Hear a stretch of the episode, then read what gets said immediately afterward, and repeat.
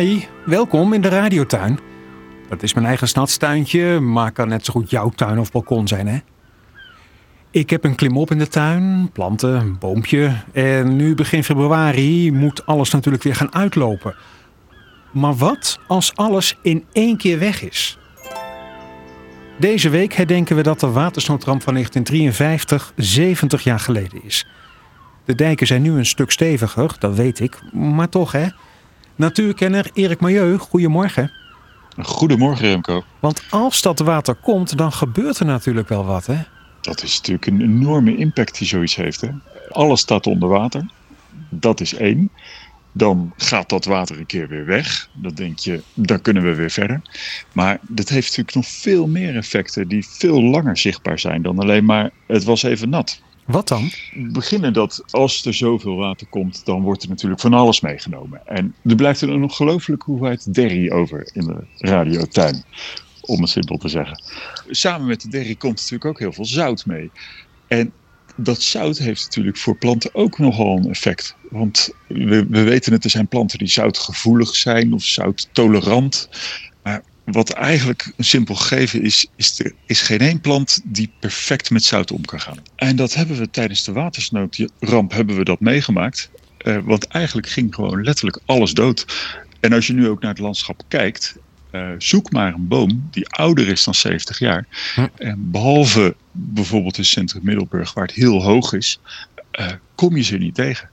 Want het was allemaal dood. Maar hoe lang blijft dat zout dan in de grond zitten? Want, want dan groeit misschien langere tijd niets. Nee, klopt, klopt. Uh, ik moet zeggen dat uh, de boeren hebben hier echt laten zien hoe ze er een, een worsteling mee hadden.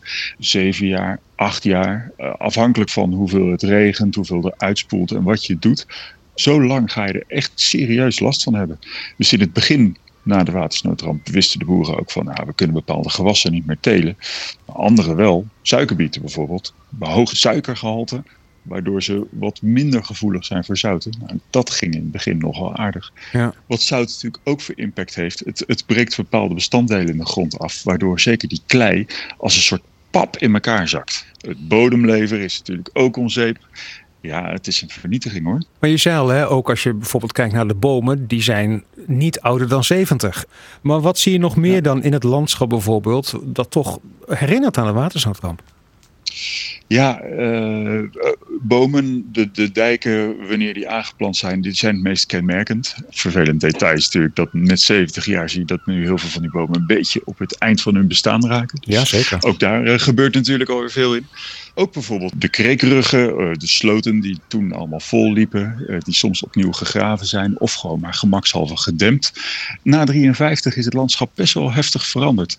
Omdat, ja, je kunt je voorstellen, als er ook zoveel slik mee komt, ja, dat gaat als eerste gaat het in zo'n sloot zitten. Ja. Op die manier is het landschap eigenlijk best wel, best wel plat getrokken.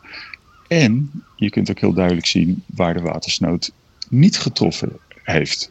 Dus neem bijvoorbeeld op Noord-Beverland uh, de goudplaat, waar het water weinig invloed gehad heeft. Dan zie je toch wat meer bosontwikkeling nog steeds. Dus als je het gaat zien, dan kun je het landschap heel mooi lezen. Dankjewel Erik. Bijzonder ook op deze dag dat de watersnoodramp van 1953 70 jaar eh, geleden is. We gaan het landschap lezen en we weten nu ook uh, hoe we dan de watersnoodramp van 1953 daarin kunnen ontdekken. hey, dankjewel. Volgende week dan spreek ik jou weer in de radiotuin. Tot dan. Heel graag. Tot dan Remco.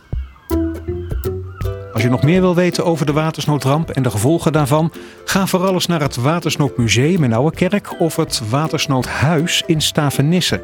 Dat zijn in Zeeland dé plekken om informatie te vinden. Volgende week weer een gewone radiotuin met een diertje tussen de planten. Tot dan!